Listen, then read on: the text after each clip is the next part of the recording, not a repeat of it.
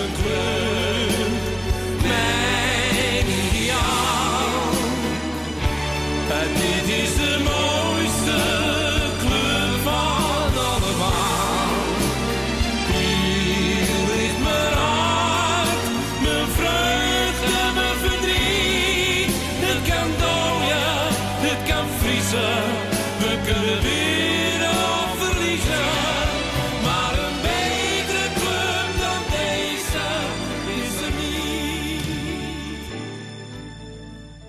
Jawel, Ajaxide, daar zijn we weer. Tof dat je luistert naar een nieuwe aflevering van Mokum FC, de wekelijkse podcast over de allermooiste club van allemaal. Mijn naam is Kevin Zwaven en met mij zijn een aantal ongetwijfeld goed gemutste Ajax-fans, waaronder Ajax1.nl hoofdredacteur Robbie Boerboom, Hoi.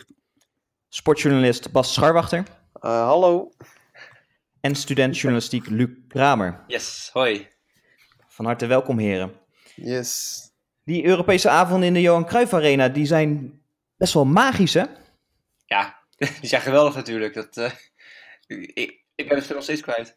De eerste stap naar eh, overwintering in de Champions League die is gezet. En, eh, en hoe? Best wel eh, mooie overwinning tegen AEK. Of AEK moet je geloof ik zeggen. AEK inderdaad. Dat is de officiële naam, heb ik begrepen van eh Wiets van der Goot.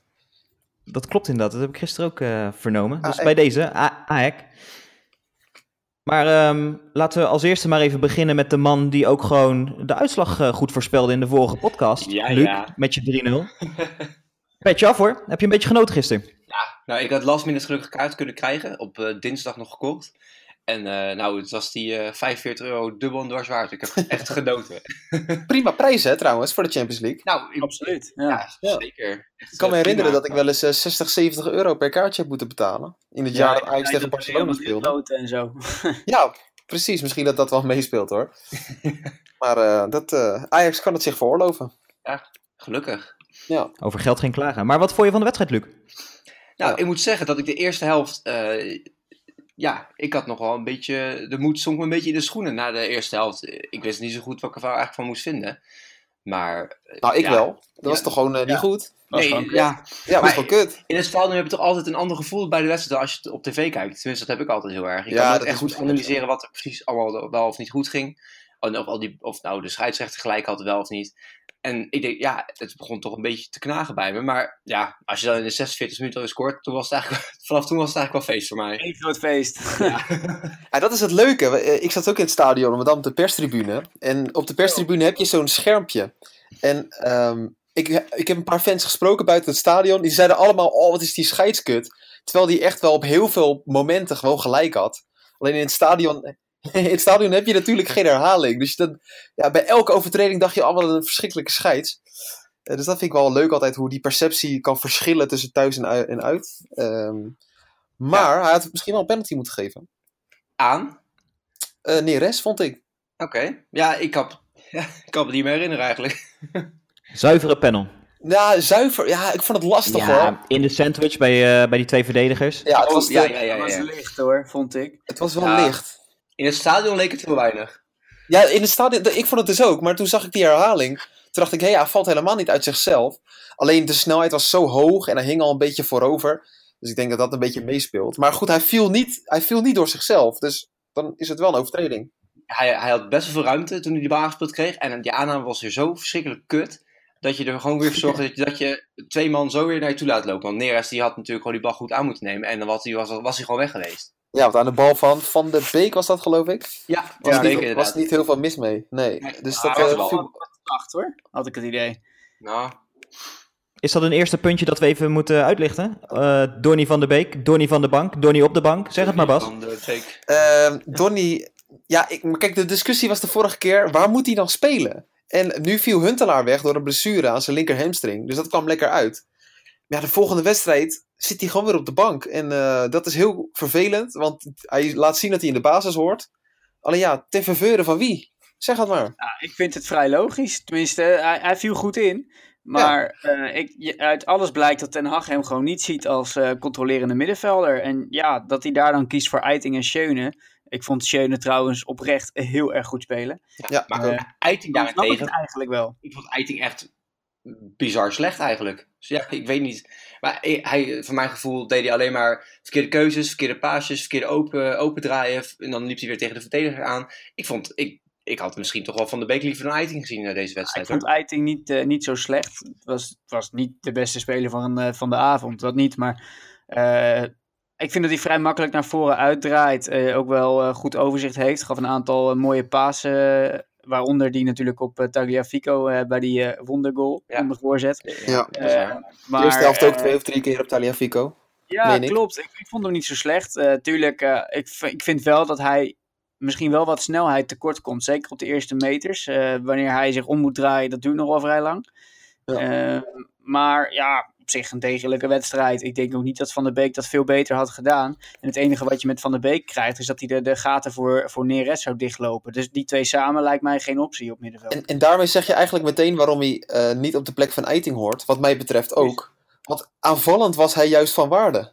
En Ja. dat is zijn kracht. Dus dan ga je, kan je hem wel op 6 gaan zetten. Maar dan gaan we weer zeggen dat Van de Beek slecht speelde. Ja, omdat dat niet zijn Ja. kracht is. Of inderdaad vooral ook dat, eh, dat Van der Beek gewoon de loopacties gaat doen die nu van Neres verwacht worden. Eh, de diepte in. En dat, dat, ja, dat is zijn rol nu niet. Of Neres moet niet op het middenveld staan, dan zou het kunnen. Maar daarom denk ik dat Eiting en, en Schöne zeer solide eh, hebben gespeeld gisteren. En zeker Schöne was oprecht heel belangrijk, vooral de eerste helft. Ja, hij echt man niet slim op de eh, training, hè? Ze waren, ze waren met eh, drie man eruit tegen twee Ajaxiden en uh, Schöning trok hem nog even naar beneden, want anders Ja. waren ze er echt uit geweest. Ja, en Die was later, heel eh, slim. Ja, later deed Frenkie dat natuurlijk ook. Ja, Zo, ja. Met een opstootje. Wat een, een rare Griek was dat, joh. Ja, ja, die was helemaal gek. Echt, ik zat me met verbazing eh, naar te kijken. gedronken. hij kreeg daarom ook wel geel, gelukkig. Ja, maar ja. Frenkie dacht ook... Probeerde hij niet gewoon even eh, het vuurtje een beetje aan te wakkeren om, eh, om zijn team een beetje wakker te schudden Ja, wellicht? tuurlijk, Denk ik. hey, eh, wat is dat eh, mannetje van 19 die normaal gesproken achterin staat belangrijk, hè? Ongelooflijk. Jongen, jongen, wat was het de eerste helft? eh billen knijpen af en toe daar centraal achterin. eh er, werd, er werd gewoon niet ingegrepen. Had dat er niet voornamelijk mee te maken dat die twee backs heel erg diep stonden en dat je dus eigenlijk alleen een centraal blok had van, eh, van Frenkie en Nou Blind? ja, er was eigenlijk één centrale verdediger, dat was blind. Want, want Frenkie ging natuurlijk ook nog veel eh, naar voren en, en kwam oplopen. Eh, die stond vrij veel naast Schöne zelfs te voetballen eigenlijk. Dus dat vond ik vooral heel opvallend. Daardoor kwam je in de eerste helft wel aardig in de, af en toe in de problemen, vooral in Ja. de omschakeling. Als het dan niet loopt, dan zit je in de problemen. De man van de snelheid, zeg maar. Die had het weer moeilijk. En het was ook wel een, een leuke spits hoor, moet ik eerlijk zeggen. Maar eh, ja. Nou, het leuke is wel dat ehm Frenkie hebben we altijd de discussie gehad van zet hem nou op het middenveld. Nu speelt hij die weer eens centraal. En dan denk je, nou, dan gaat hij nog meer zijn stempel drukken. Maar ik heb hem eigenlijk de hele wedstrijd in aanvallend eh opzicht niet gezien. Plus dat hij eh, de man is die op het middenveld voortdurend vrij staat. Je merkte echt de eerste helft dat ze de bal niet kwijt konden, alleen terug. Dus Ja. de bal ging continu, werd hij weer teruggetikt op Schöne of, of Eiting die daar stond. Terwijl eh Frenkie de Jong juist degene is die dan veel in vrije positie eh, komt, omdat hij gewoon heel slim gepositioneerd eh, staat. Dat vond Ah, ik heel opvallend. Wat wel opviel was dat Frenkie de Jong wel elke keer in verdedigend opzicht wel steeds zijn duels won, wel steeds voor de man kroop, waardoor hij Ja. het wel niet aan hoefde te gaan eigenlijk. Want ja, die verliest hij natuurlijk. Maar hij was zo Ja, slim ja. door even langs te lopen en dan te springen voor die Griek langs. En toen Ja. ja. won hij wel die kopduels. Maar stel Bas, je hebt de, eh, met de kennis van nu, je hebt weer de keuze. Ehm, zou je nogmaals beginnen met, met Frenkie en Daly achterin in deze situatie? Ja, ik, tenminste ik wel, eigenlijk. Achteraf misschien wel. En toch, Ja, maar ik vind ook-. Nou, weet je wat het wel zo is? Misschien is de kracht van Frenkie zo groot op het middenveld dat je het gewoon niet moet doen. Dus dan maar gewoon met Weber achterin. Centraal het liefst natuurlijk. Ja. En dat, dat je in ieder geval aan de kracht van Frenkie blijft. Want ehm, ja, dan hoef je ook niet met Eiting te spelen. Komt wel Ja, goed met hem hoor, maar... eh, ja, je, ja, precies, inderdaad. Dus het is Dat gewoon zo'n beetje groot luxe probleem. Ja. En Weber is echt geen... We doen nu net als Weber een pannenkoek is. Hij heeft echt slechte wedstrijden gekend, maar eh, dat is nog altijd een Ja. groot talent. Ja, ik blijf Ja, zeggen dat, dat, dat we die kopkracht achterin gewoon nodig hebben. Met Blind en Frenkie de Jong, moet ik zeggen, Frenkie de Jong, wat ik net zei, die pikt het goed op. Maar vooraf was ik toch wel een beetje bang dat, hij, eh, dat al die kopduels zouden verliezen voor achterin. Ja, ik ook. Ja. Maar dat viel wel mee, gelukkig. Ja, gelukkig. Dat AEK was ook, of eh, AEK, sorry, was eigenlijk Ja, eh, ook weer, eh, het is weer een beetje hetzelfde verhaal als met Sturmgras en met Kiev. Van, ah, ze zijn wel goed, Heel maar het- uiteindelijk, ja precies, het is niet zo bijzonder. Nee, het viel allemaal best wel mee. Wat ik vooral eh, wel echt vond, is... Ja, er stond eigenlijk maar één echte verdediger. Tagliafico. En, en, en die, die blinkt dan zelfs aanvallend nog zo uit. Het was eigenlijk wel bijzonder. De man, hè? Wat, wat een wedstrijd van zijn kant, zeg. Ja. Ja, Ja, en dat hadden we ook gezegd zonder zijn goals. Ja, Ja, ook. natuurlijk. ook. Ja. Maar dat, zeg ik al, dat zeggen we al tijden, volgens mij, dat, dat Tagliafico gewoon altijd goed is. Gewoon altijd strijd leveren, altijd aanvallend op zich, maar ook verdedigend steeds terug zijn. Al- En ja, altijd een 6,5. En Eigenlijk. Ja, ja, en nu was het een 8,5, maar het is altijd steady. En was het een bewustie? Nee, dat zei hij zelf ook niet. Stefan ook. Heeft hij zelf ook toegegeven, geloof ik. Het was wel een wondergoal, zeg. Maar wat een Ja. slechte voorzet. Ja, Ja. Maar even serieus, hè? Kijk, ik maak er even een grapje van. Maar stel, dit was een echt bewuste voorzet. Ja. Wat Hij, was het voor rampenbal dan? hij wou een tweede paal leggen naar Doorweg, geloof ik. Ja, maar Dat was heel jezus, slecht. Ja. dat is wel flink uit de Hij richting. gewoon eh, de technische verfijndheid om, om, om dan die bal eh, op zo'n moeilijke manier voor te kunnen geven. En Ik had eigenlijk... Dat, Heel kijk, hij- die bal hing een beetje te hoog, maar dat kwam ook een beetje door zijn aanname en alles. Ja, Maar dit, dit had een prima goal van Doorberg kunnen zijn als hij hem gewoon netjes neerlegt. ja. Maar hij verwerkt hem zo kut. Ja, dat hij er dan Maar- in vliegt is wel mooi. Als die zo in het netje valt, dan, dan mogen we er toch eigenlijk helemaal niks meer over zeggen. Nee, Nee, nee, gewoon springen en juichen, Nee. dat was prima. Kom uit voor Maar om even terug te komen op, eh, op Ajax. We, we zeggen eigenlijk van, nou, het, het viel allemaal wel mee, hè? Geen hele sterke tegenstander wellicht. Toch kregen we de vraag van Armando de Jonge onder andere. hey, Eh, wat leuk. Even een vraag. Mando, hallo jongen. wat Hebben, verklaart hebben dan we nog dat... poepvragen? Nee, nee, geen poepvragen. Dat, daar vroeg ik de vorige keer om, maar dat hebben we niet gehad. Nee, maar je kan het wellicht nog een keer proberen straks aan het einde van de aflevering. Ja, gaan we doen. Maar eerst Ar Ehm, Armand. maar Armando die vroeg zich af, hoe kan het dan dat we toch zoveel moeite hadden tegen deze tegenstander in de eerste helft? Simpelweg Want het, omdat het je- ging erg moeizaam. Eigenlijk Ja. geen verdediger op het veld hebt staan. Ja, maar eentje. Dus elke, in de eerste helft was bijna elke uitbraak van die lui, dat was bijna een kans. Eh, en zeker centraal eh, stonden ze echt eh, ja, gewoon slecht te verdedigen. En Frenkie zat er af en toe wat tussen. Maar, maar Blind eh, speelde weer niet de gelukkigste eerste helft eh, van zijn carrière, heb ik het idee. Ja, en de afval, afvallende ballen waren ook steeds niet, eh, waren ook niet voor ons, wat normaal gesproken wel het geval was. En, Ja, aan- ze gooiden het op fysieke kracht, hè? ja, en aanvallend Ah, hadden ook weinig te bieden. En de Ja, eerste Mag ik er helft. wel een kleine nuance aan toevoegen? Ze hebben twee grote kansen gehad, hè? Dat had allebei een goal kunnen zijn. Grote kansen. Ja, die kopbal. maar Ja. ook wel... Eentje, eentje was die kopbal inderdaad. Nou, dat win je puur omdat ze gewoon groter zijn. Nou, Ja. dat had ehm, eh, eh, Helmond Sport had dat ook nog kunnen doen, weet je wel. Als, als die gasten groter waren. Ik weet niet of daar grote gasten zitten. Ja. En die andere kans, dat was echt... Nou, de vier of vijf momenten dat er in de kluts... Dat hij hem toevallig weer meekreeg, die ene spits. Die nummer 22 was dat, geloof ik. Ja, dat dat is echt- gewoon zo. Maar dat ging echt drie of vier keer zo- zoveel geluk naast. En uiteindelijk had Frenkie hem geloof ik nog geblokt met zijn Ja, eh klopt. En die, ja, rechterbeen. klopt. Dus het is ook wel. Het zijn twee losse momenten. En dat had fout kunnen gaan. Maar daar hoef je ook niet in paniek voor te raken. Nee. Nee, vooral niet als je het afzet tegen de tweede helft, wat natuurlijk gewoon superieur was. En volgens mij hebben we de tweede helft helemaal niets meer weggegeven en hebben we echt Eén gedomineerd. omhaal, toch? Ja, Oh ja, die nou, ene omhaal er inderdaad. in, die zat er Eerste bijna helft, in. hoor. Ja, Bijna. Goal van het seizoen. Maar verder was het natuurlijk gewoon een hele sterke, sterke wedstrijd van, eh van Ajax-kant. Is, Ehm, het nog geflatteerd eigenlijk? Mogen we dat zeggen? Eh, nou, nee. we hadden wel... Want ik- ja, we Ik sprak Huntelaar daarna nog. En die zei dat het geflatteerd was. Ja. Daar ben ik het niet helemaal mee eens. Misschien de tweede helft, misschien niet. Alleen, de, ja... We hadden op een gegeven moment wel dat alle kansen er gewoon invlogen. En Ja. ook die van, van, van de Beek die nog eh buitenspel was op het randje. Maar dat was ook een Ja. aanval, dat zie je alleen bij Barcelona geloof ik. Zo'n stiftballetje eroverheen en dan in één keer om... Ja, ik vond het een geweldige goal, maar... Dat, best... Ja, dat vond ik bij die aanval mee. van. ehm, we, hebben, het er net over gehad van Neres. Dat hij dan uiteindelijk onderuit werd gehaald. Ja. Daar werden drie of vier driehoekjes gecreëerd. Met uiteindelijk die diepe bal van Van de Beek. Dat was echt smullen hoor. Mhm. is En wat- heel goed. Wat eraan vooraf ging was ook nog, af- vooraf ging, was ook nog dat, eh, dat ze de bal veroverden op het middenveld van die Grieken. Die bouwen het opbouwen en ze gingen met drie man druk zetten. En toen kwam de ruimte vrij.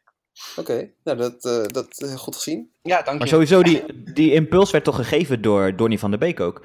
Eh, eigenlijk na de wissel eh, dat hij erin kwam voor Huntelaar begon het echt goed te lopen. En vooral voorin werd het, het spel veel sneller gespeeld. En, en ontstonden inderdaad die driehoekjes en die snelle combinaties. Ook, ook door Tadic als eh, in de spits, hè, waardoor Ajax Ja. eigenlijk in de laatste linie veel balvaster werd. Want je kon Tadic steeds aanspelen op de rand van de 16. Mhm. En daardoor had je even die drie, vier seconden meer rust dan dat je dat met Huntelaar had.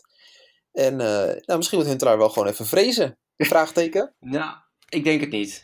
Die, heeft, heeft toch zoveel bewezen de laatste weken dat hij toch wel daar blijft staan. Helemaal samen met Tadic. Maar Nee, daar ben ik het wel mee eens hoor. Maar ik, vind, ik vond het wel eh, een groot verschil. Even terug te komen op, op Frenkie de Jong. Eh, voordat we doorgaan over eh, Huntelaar en het wel of niet spelen in de eerstvolgende wedstrijd. Komen we nog. Hm. Ja. Maar ehm, 79 passes verstuurd, 78 aangekomen. Ja, maar pak de cijfers van Tulani Serrero in de tijd van Ajax er eens bij. Dan had je toch ook zulke cijfers? Ja, Was toch ook een fantastische voetballer? Maar dat was allemaal tikkie breed. Dus ik weet niet of het iets zegt. Alleen bij Frenkie weet je dat het niet tikkie breed is. ja. Dus super. Dat is het inderdaad. Wat mij op een gegeven moment opviel, hij had achterin de bal. Dat, dat, ik zei op de tribune, nou hier moet je kijken, dit is een Frenkie de Jong actie. Hij had hem makkelijk breed kunnen leggen op Mazraoui, die stond helemaal vrij. Hij zei, Mazraoui zei, ja, ik sta hier vrij, ik sta vrij. Maar wat hij deed, hij omspeelde de centrale verdediger en speelde Schöne in. Ja, dat, dat is iets wat Frenkie de Jong alleen doet. En wat Ja, Serrero waarschijnlijk, die had het balletje breed gegeven. Dat is het verschil. Ja, dat eh, kan ik wel zeggen. Nou moet ik ook weer zeggen dat ik eh Masraoui daar ook had overgeslagen. Want die was de eerste helft weer niet, eh, niet heel erg sterk. Die stond echt weer een aantal keren, nou ja, ik heb het al vaker gezegd, lekker aan de verkeerde kant te Ja, dekken. hij zat helemaal verkeerd inderdaad. af en toe in, die heeft gewoon oprecht geen idee wat hij aan het doen is. Dat, dat is Oh. niks een rechtsback. Ehm, dus ja, leuk dat hij de tweede helft aanvallend leuk mee kan komen. Razend knap.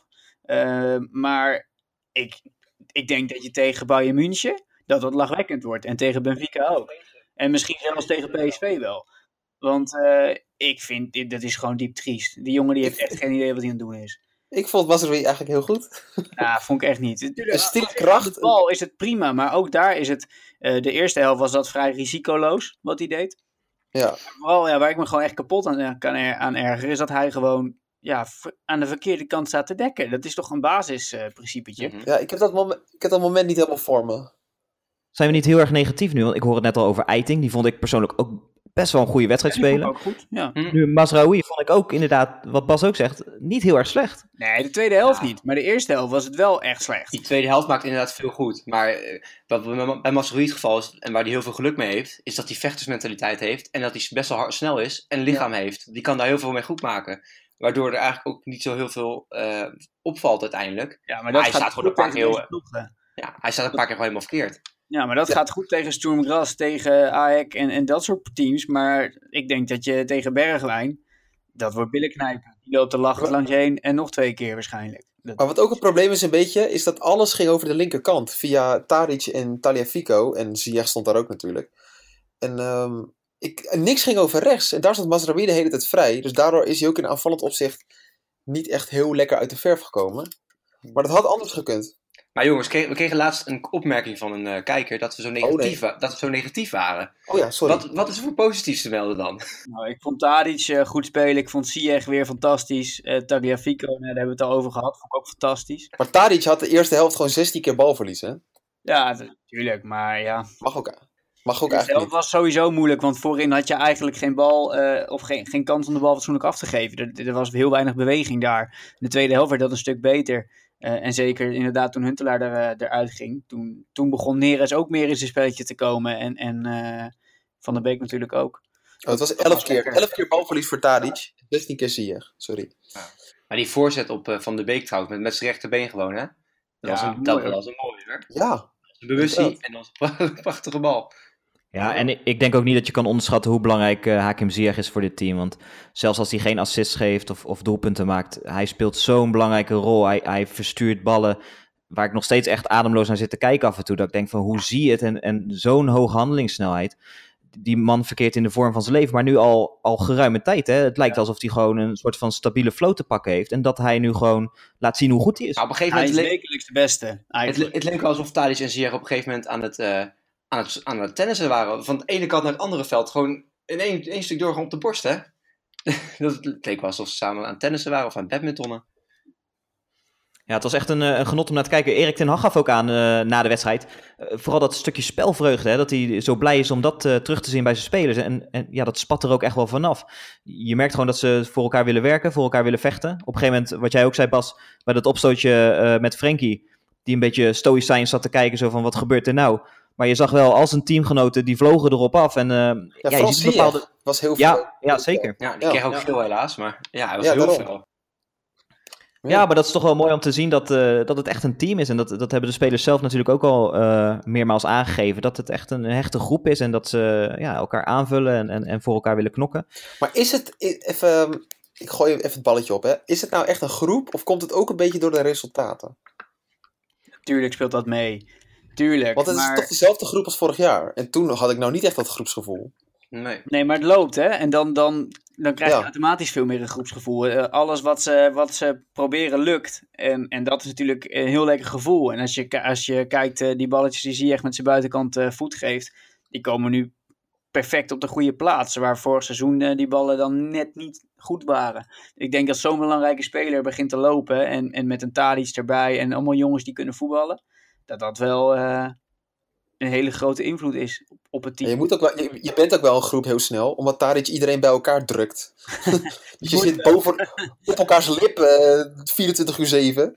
Godverdorie. Hij, hij- elke keer roept hij maar iedereen bijeen. Ik denk, wat een gedoe joh. Maar hij vindt dat toch belangrijk. Ja, maar dat helpt ook wel mee hoor. Hij is toch een beetje de bewaker van alles. Zo lijkt het soms inderdaad een beetje tegen het overdrevene aan. Maar ook het eerste wat hij zegt dan bij, de, bij een interview. Dit, dat het ook de jongens zijn met die de wisselspelers die het hebben gedaan. Nou, dat, dat, hoor, dat hoor je vaak een aanvoerder zeggen natuurlijk. Maar als, een hij, het- Ja. clichétje. maar als hij het zegt, dan klinkt het toch altijd anders op een of andere manier.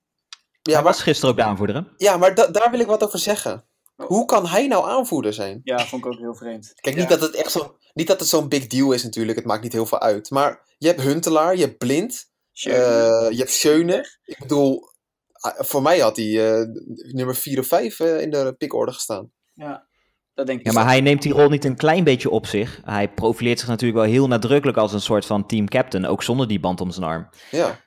Volgens mij is hij gewoon de meest logische en eh, in het oog springende eh, persoon om hem aan te geven. Want Daley Blind heeft zichzelf eigenlijk al gedisqualificeerd als teamcaptain. Die heeft aangegeven, nou dat is helemaal niet wie ik ben en, eh, en hoe ik mij profileer in het veld. Terwijl hij wel aanvoerder, als aanvoerder wegging, toch? Ja, Ja.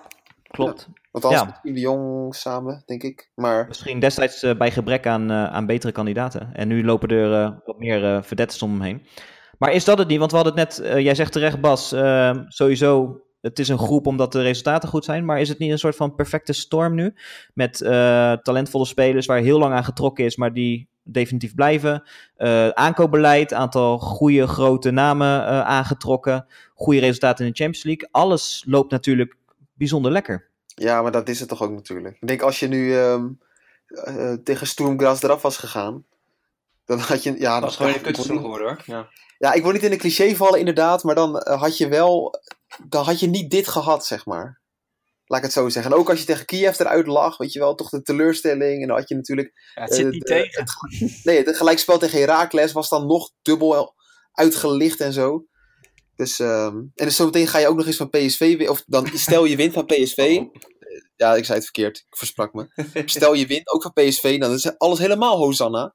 Ja, en, maar ik hoorde wel Schöne alweer de fout maken dat, waarin hij zei, eh, ja, na dit weekend staan we bovenaan. Dat is die arrogantie Ja. die je eigenlijk nou niet moet hebben. Je moet nou gewoon... Jawel, joh. Tuurlijk wel. Tuurlijk wel. Dat is Ja. Ajax. Ja, ik heb horen zeggen dat we alsnog kampioen worden. Dat zei hij drie keer op rij gezegd. En elke keer eh, werden we niet kampioen. Dus ik zeg, blijf nou gewoon...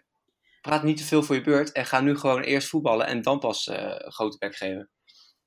Maar het is ook wel heel des Ajax, dat ook wel weer. Ja. Het is wel mooi om te zien trouwens dat we in de buitenlandse media worden de, eh, alweer vergelijkingen getrokken met eh, eh, de jaren 70, eh, 1995. Daily Mail had het erover dat eh, dit Ajax net zo dominant, snel en aanvallend speelt als destijds. Nou, Dan lopen we wel iets op de zaken vooruit, of niet Robbie? Ja, tuurlijk. Kijk, eh, met, met ja, dat succes, dat ga je vrijwel nooit meer behalen. Misschien überhaupt wel nooit meer behalen. Dus ja, dat is een beetje overdreven. eh, Maar het, het is wel zo dat er heel leuk gevoetbal wordt. Dat, dat is gewoon zo. Kijk, als je kijkt eh, hoe, hoe makkelijk het balletje heen en weer gaat... eh, hoe ze elkaar kunnen vinden, hoe leuk, eh, leuke combinaties. Nou ja, we hadden het al over die aanvallen met al die driehoekjes. Eh, dat is, daar kan je echt van genieten. Dus ik, kan me op zich de vergelijking enigszins voorstellen. Ik denk alleen dat je met dat soort dingen altijd een beetje moet oppassen. Net zoals dat eh Frenkie de nieuwe Kruif is en dat soort dingen. Dat slaat natuurlijk helemaal nergens op. ja, en we speelden... het slaat nergens op. We hadden geluk ook dat we om... het geluk dat we om 5 voor 7 speelden. Waardoor samen met Hofheim, te, tegen Shakhtar. Waardoor op veel televisiezenders onze wedstrijd werd uitgezonden ook. eh, met Champions League rechten natuurlijk. En eh, ik las ook op, op de, onder, de, onder de Champions League eh, Twitterpagina ook heel veel positieve reacties over Ajax. Dat ze blij waren dat ze terug waren en dat ze goed speelden. En daar werd ook die vergelijking gemaakt. Dus ja, het is inderdaad een beetje, een beetje voorbarig. Maar blijkbaar is ze ook... Ajax verkozen hebben boven Hoffenheim Shakhtar? Zit ik even na te denken. Ja, Het is toch ook logisch dat, eh, dat Ajax wordt uitgezonden. Dat is eh, vooral eh, internationaal gezien echt nog wel een grote naam. Vooral met een hoop romantiek. En veel jonge talenten. Ik denk dat daar ook veel interesse in is om te kijken hoe goed zo'n De Ligt en zo'n eh Frenkie de Jong nou echt zijn. Maar is die, is die hype er nou echt in het buitenland? Dat vraag ik me oprecht af. Ja, als je alleen al op Twitter kijkt en de Engelse tweets over Frenkie de Jong, nou, dat, dat zijn er veel hoor. Ja. Maar ik, hoor, in- ik lees ook wel eens Belgische pagina's. En daar je heb je bij Club Brugge heb je er een aantal lopen. En bij Antwerpen heb je altijd met die Den Donker. Ja, die is nu weg geloof ik. Naar Watford uit mijn hoofd. Ja. Eh, mensen mogen op Twitter me corrigeren. Graag zelfs. Eh, maar dat soort types, die eh, worden ook enorm gehyped in België. Waar ik dan nog nooit van gehoord heb. Ja, maar dat is België. Nou ja, ik moet zeggen, Ten Donker kende ik dan toevallig, ken ik nog wel. Maar in het geval van Frenkie de Jong en Matthijs de Ligt, dat, dat, die hype is er wel echt. Maar niet dat ze Ja? ooit een wedstrijd hebben gekeken. Want dat, dat geloof ik niet. Dat ze, dat, ze hebben misschien de skill compilation gezien. Maar Heb je die, eh, die column van de Independent gelezen? Nee. nee, ook niet. Er was een, een journalist, die heeft eh, volgens mij de wedstrijd tegen... De redding van het voetbal. Ja, ik weet niet meer. Hij had een wedstrijd van, Aj- van Ajax ging hij analyseren. Oh, Frankrijk-Nederland was dat. Frankrijk-Nederland. Ja, nou, Had hij de eerste drie alinea's over hoe goed Frenkie de Jong wel niet is. En toen in de vierde alinea zei hij van... Ja, maar eigenlijk heb ik hem nog nooit gezien. En toen ging hij een heel eh eh, eh, relaas houden over de hype van spelers. Ja. Dat vond ik wel prachtig. Ja, maar het is wel, dat, inderdaad precies wat, wat, wat ik zeg. Die mensen lezen op internet, oh Frenkie de Jong, zien een skill compilation en denken, ja, dat is, die, we- die moeten we naar onze club trekken. Maar ze hebben nooit Ja. gezien. En misschien is daarom, is het wel gezien om Ajax inderdaad uit te zenden in Engeland. Van nou, laten we maar eens kijken hoe de jongens echt spelen. En als ze dat dan gezien hebben, wat denken ze dan over Frenkie en De Ligt? Of ja, De Ligt natuurlijk niet, maar over Frenkie. Ja, ik denk, dat, ik denk niet dat ze de beste de, eh, de jongen hebben gezien van de afgelopen tijd. Nee, dat is wel jammer. Nou ja, misschien wel weer goed juist. Dat is toch sowieso wel een beetje de valkuil van de Twitter. Dat is zo'n bubbel waar je een, een aantal van die ehm, accounts hebt die heel graag het volgende grote talent ontdekken en vervolgens ook ophypen totdat die eh, bij Barcelona speelt. Ja joh. Maar die bubbel is wel heel beperkt hè, genomen over eh, alle voetbalfans en volgers. Al vind ik het nu al meevallen qua hypes, qua jeugdige talenten. En dat is misschien ook wel een slecht teken. Dat is ook wel Meen je dat nou? Wat? Oh, jullie zijn helemaal verbaasd. Nou, ik, eh, Frenkie de Jong die zie ik eh, op Nee, mijn de feed. nieuwe, de nieuwe generatie, zeg maar. Die daaronder. Ah, Ja, Die eronder. de Dus je- Gravenbergen en dergelijke.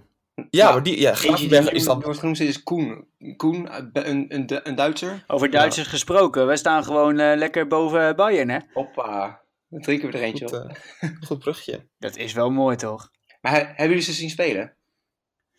Eh Ik samenvatting. ik heb alleen de samenvatting gezien. ja. Oké. Ik ook. En waren ze goed? Ah, die goal van eh, Renato Sanchez was heel Sanchez, mooi. in ja. Dat was een hele mooie aanval. Een counter uit het boekje, zeg maar. Tegen zijn eh, oude clubje, hè? Ja, ja. Verrassend Ja, ook dat dat hij ook. speelde trouwens, maar dat geldt terzijde. Het is een beetje alsof Kluivert namens Roma zou scoren tegen Ajax. Ja, maar die zat lekker eh, op de tribune.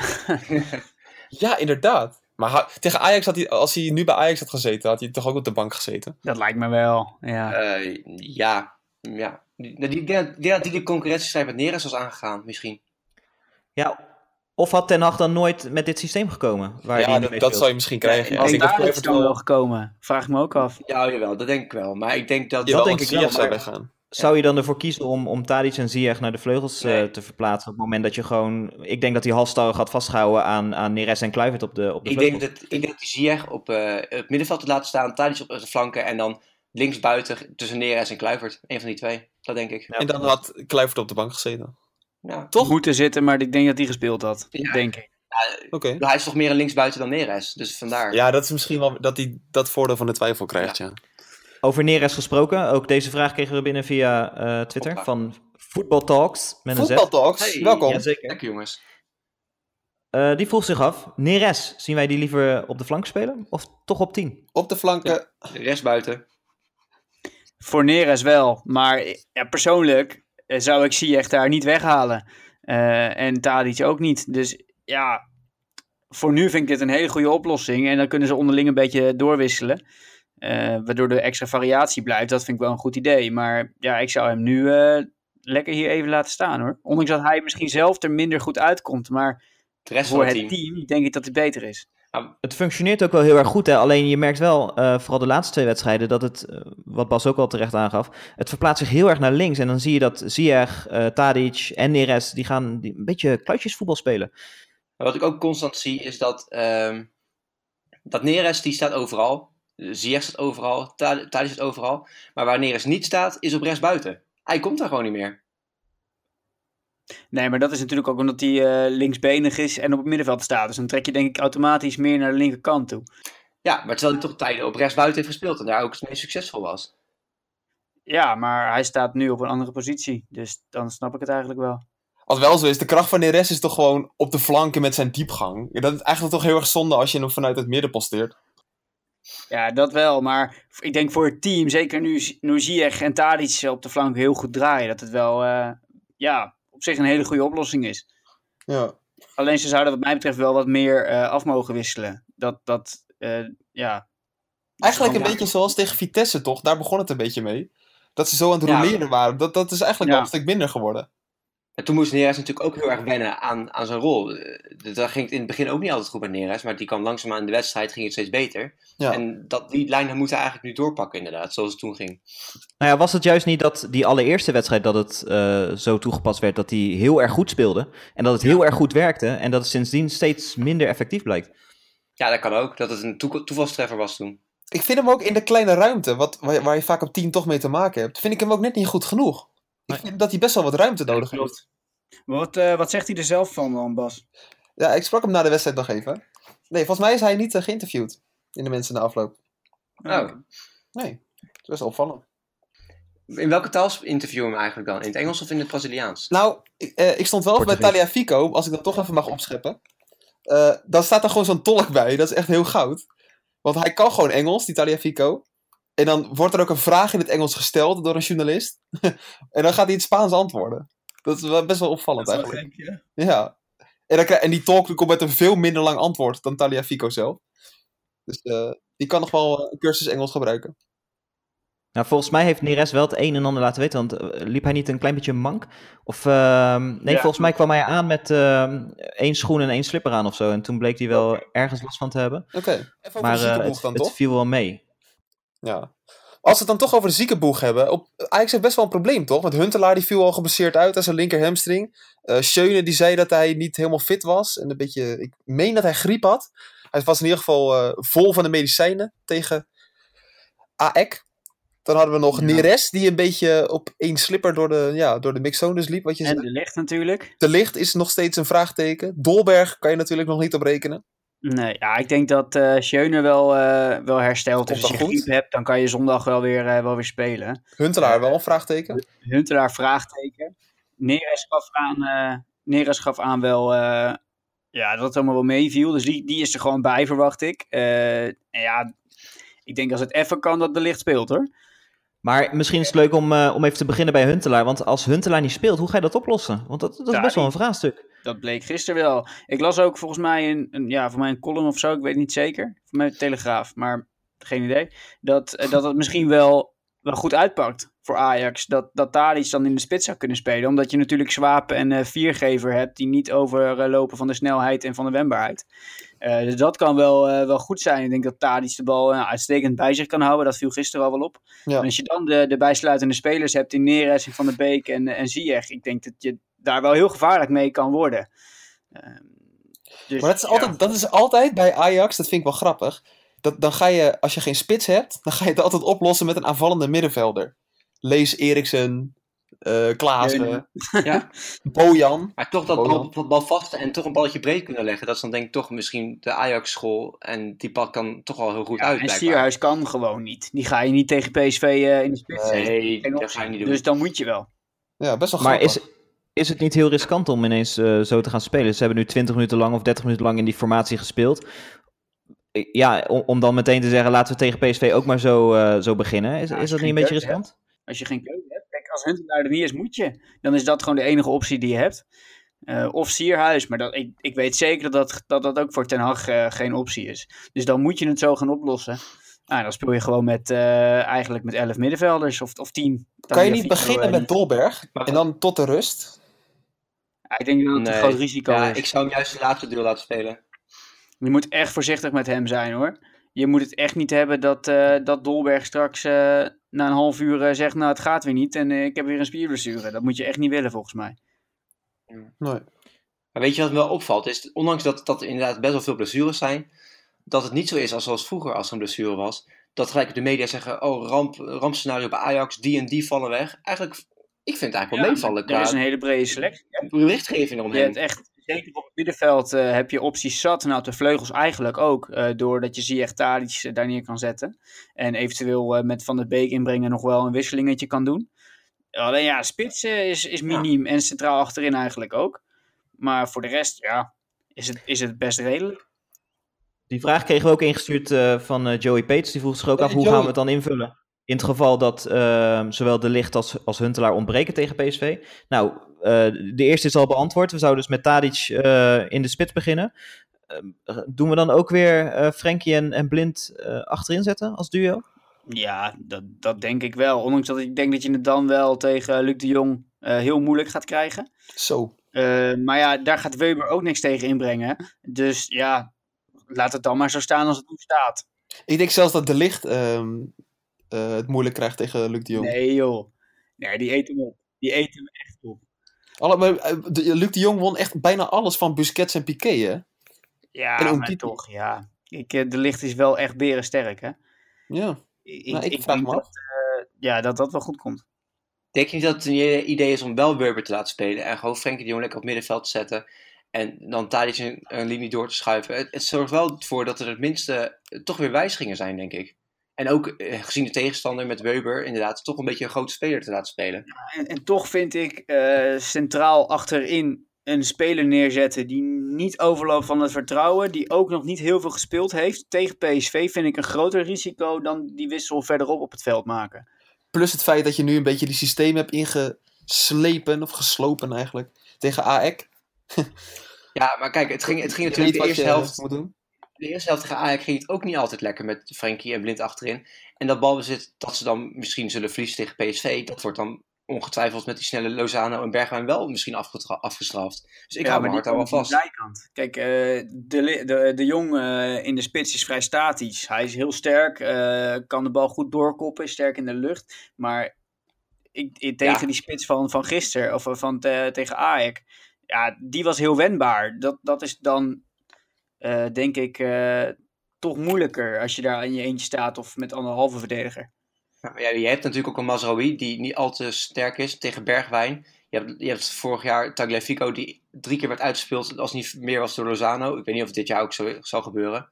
Maar eh, ja, ik zou toch een beetje opletten dat je niet te veel in de counter weg gaat geven.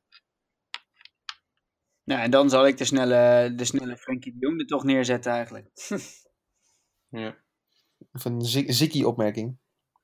Ja, Sowieso ehm, z- zit het natuurlijk wel mee dat wij nu deze mooie overwinning hebben geboekt op AEK. En eh, PSV uiteindelijk toch best wel op hun kop heeft gehad van Barcelona. Ondanks dat ze een, een prima eerste helft speelden, wat Nou, mij betreft. Ik denk niet dat ze op hun kop hebben gehad hoor. Eh, Ja, de- natuurlijk als je kijkt naar de uitslag. Maar ik denk dat geen enkele PSV'er denkt van ah, die 4-0 doet echt pijn. Maar denk je dat het wel invloed heeft op de, op de wedstrijd van zondag? Nul. Of helemaal Ik niet? denk nul ik, invloed. ik hoop het. Maar Dumfries zei ook van, dit, heeft, dit is een hele losse wedstrijd. Dit zien wij niet. eh, ja, natuurlijk, dat zeg je altijd als speler. Maar Dumfries zei, dit is een hele losse wedstrijd. Die staat totaal los van Ajax. Dus dat het geen enkel effect zou hebben. Nou ja, ik wil het nog wel zien, maar... Kijk, als PSV in de eerste helft gewoon compleet was weggetikt en ze hadden nul kansen en er staat 3-0 bij rust. Kijk, dan is Ja. het anders. Dan ben je ook onzekerder. Heeft PSV Nee, gewoon een hele goede wedstrijd gespeeld, eigenlijk. Als Daarom, dus ze kunnen alleen maar positieve punten meenemen. Ja, Of heeft Barcelona het wat rustiger aangedaan, totdat ze een Oh. rode kaart kregen, een beetje gas bijgaven en ineens eroverheen walsten? Dat, dat kan natuurlijk ook een beetje de en die, eh, die Isimat, eh, die interview, ja, die, die had ook geen idee wat hij aan het doen was eh, daar. Nee, die stapte ook sowieso niet idee. eh, Nee, volgens mij ook niet, maar die stapte een aantal keer in. Dat, dat, eh, ja, dat was echt eh, schrijnend. En zeker tegen zo'n Messi, ja, dan eh, is het gauw gebeurd. Dat heeft viergever dan wel weer slim. Ja, dat verschil was wel schrijnend, hè? En dat zegt ook wel wat over viergever weer. De meest onderschatte verdediger Ja, maar bij Ajax was sowieso ook van. Nederland. zoals hij toen speelde in Europa. Hij, stond gewoon, ja, hij staat gewoon goed opgesteld. Hij is best slim eh, Ja. Ja. daarin. Maar ja, Gewoon een hele degelijke voetballer. ja. Ja, dat is voor PSV een hele nuttige speler. En voor Ajax ook. Maar goed, ehm, Ja. Luc, jij als eh Mokum FC Orakel, want zo mogen jullie inmiddels Oh. toch wel... eh, Ik, wel ik hoor een nieuwe aankondiging. Je hebt een, eh, een, een naam en een eer hoog te houden. De voorspelling voor aanstaande zondag, PSV tegen Ajax. Wat denk je dat wordt? Oei. Ik denk een 2-1 voor Ajax. En Hmm. die winnende goal valt in de, tussen de 70ste en 80ste minuut. Zo, Ja. En wie is dan de MVP, de man of the match? Ja, ik zei de vorige keer Huntelaar. Nou, ik weet niet of Huntelaar speelt, dus ik houd op safe. Maar ik, eh, ik denk eh Lasse Schöne. Doe eens gek. Verrassend. Ja. En jij Bas? Ik denk dat het 2-3 wordt. Ik denk echt dat het een spektakelwedstrijd gaat worden. Met uiteraard de winnende goal van Christensen. Christensen natuurlijk. Christensen gaat, hem, gaat het doen. Die komt erin in de 80ste minuut. Masraoui moe gestreden tegen Bergwijn en Lozano. Chris- Christensen komt erin en die, die peert hem er toch in. Nou, we weten al gelijk wie er geen gelijk heeft deze week. En vorige week en de keer daarvoor. Er komt een wedstrijd dit seizoen. Ja, ik ga het ook gewoon het hele jaar volhouden. Natuurlijk. Bas, je moet gewoon eh, een keer vragen of je Christensen kan spreken. Vragen of hij zelf verwacht dat hij een keer de winnaar Ja. Maar Bas, maar Bas, spreek jij ook wel spelers eigenlijk? Nee, ja, je moet eens, eh, je moet eens op nu.nl kijken. Oh, dit is reclame. Ben jij die Bas? oh ja, ik zal, ik zal er niks over zeggen. Maar Robbie. eh, ja, ik was al bang dat nu eh, ik aan de beurt was. Eh, Jazeker. Ja, moeilijk. Eh, Het, het hangt wel heel erg af, denk ik, van de aanwezigheid van de licht. Huntelaar, dat, dat valt nog wel te overzien, denk ik. Maar eh 2-1 Ajax, winnende goal van eh, Dolberg. Die In gaat het de hoeveelste minuut? doen. 83. Zo, oké. Ja, wordt leuk, man. Dan wordt het echt feest. Ja, Dat geloof ik ook wel. Dat het sowieso een hele spannende pot gaat worden tussen twee ploegen die ehm, in ieder geval op basis van wat ze hebben laten zien tot dusverre dit seizoen eh, best wel gelijkwaardig zijn. En, ehm, en, en ook kwalitatief sterke ploegen. Want het zijn natuurlijk wel echt twee goede selecties ook. Dus het, het belooft een spektakel te worden. Eh, helaas is het wel vaak zo dat die toppers dan uiteindelijk een beetje blijken tegen te vallen. Ja, maar dit-. Echt niet. Dit gaat, deze keer gaat het echt een spektakel worden. het kan ook Alleen al- hoor, denk ik. Ja, maar het, kijk, PSV staat altijd een beetje bekend om een counterploeg. Toch op een of andere manier hebben ze daar altijd de spelers voor. En, maar deze keer is dat nog erger. En zijn die counterspelers zo verschrikkelijk goed dat het altijd sensatie zal zijn. Want kijk, met een Ajax Feyenoord, dan willen beide ploegen de bal hebben. En dan krijg je weer zo'n saaie wedstrijd en een schaakwedstrijd. Maar nu gaat Ajax de bal krijgen en PSV gaat gewoon loeren. Waardoor er elke minuut gevaar komt. Echt waar. ja ik vind PSV Ajax altijd enorm ik- spannend. Ik ook. En volgens mij zijn het vaak toch wel leuke wedstrijden. Ja, klopt wel, ja. We gaan het zien, we gaan het beleven. Ik heb er in ieder geval heel veel zin in en eh, zo te merken jullie ook. Yes. Ik hoop jij ook, eh, luisteraar van Mokum FC. Tof dat je weer hebt geluisterd naar, eh, naar deze aflevering. Eh, we zijn er weer na PSV Ajax. Dus eh, hou vooral eh, iTunes, Soundcloud, Spotify. Hou het in de gaten. We zijn vrijwel overal te vinden tegenwoordig. Mag ik nog wat zeggen? Ja, natuurlijk. Als je een vraag hebt, al gaat het over poep, stuur hem in. Echt, ge- gewoon... Kijk, wij behandelen alle vragen. Je hebt een 100% vraag-antwoord garantie. In deze podcast. Tot, totdat we te populair worden. Oh, eh, heb je, nog- heb je nog een Ik paar had er vragen? nog eentje. Nee, ik had er eentje openstaan van Joey Peters. Joey Die, eh, Peters. naam heb ik in ieder geval gedropt. Ja. Die vroeg zich af ehm, hoe we het zouden invullen zondag tegen PSV. Ja, dat, hebben, we- dat hebben we wel behandeld, maar shout-out naar Ja, Joey Peters. Maar Joey Peters, zijn naam is niet genoemd. Maar eh, bij deze, hebben, alsnog. hebben we dan iedereen gehad? Want anders kunnen, Nee, kan ik nee, we, hebben de, we hebben de vraag van Martin Bottom niet gehad, geloof ik. Oeh, Martin, vertel. Martin Bot. Even kijken, waar staat de vraag? Op Twitter. Ja, onit. Even kijken. Ja, ja. Sorry Martin, we kunnen er niet te lang op ingaan, maar we willen je toch even Ja. behandelen. Wat verwachten jullie van zondag? Zonder Matthijs en Klaas-Jan. En Van de Week of Ah, Eiting? oké. Ah, dat hebben we eigenlijk... Ja, Eigenlijk hebben we ook dat al hebben we volgens mij al eh, behandeld. Maar nog geen naam genoemd, dus bij deze. Martin, Martin. dankjewel. Ook jij bedankt. Eh, wat Bas zegt, alle vragen, maar ook feedback en gewoon random dingetjes zijn eh, meer dan eh, welkom. We horen graag wat jullie ervan vinden, wat jullie ervan denken en wat jullie hopen in de toekomst nog meer van ons te horen. Volg ons eh, op Twitter, @mokumfc. En eh, ik hoop jullie de volgende keer weer te mogen begroeten. Evenals eh, de heren hier bij mij aan de digitale tafel. Robbie, Bas en Luc, hartstikke bedankt. Heel veel succes en plezier bij PSV Ajax. Ehm, en we spreken elkaar gauw weer. Yes. Tot later.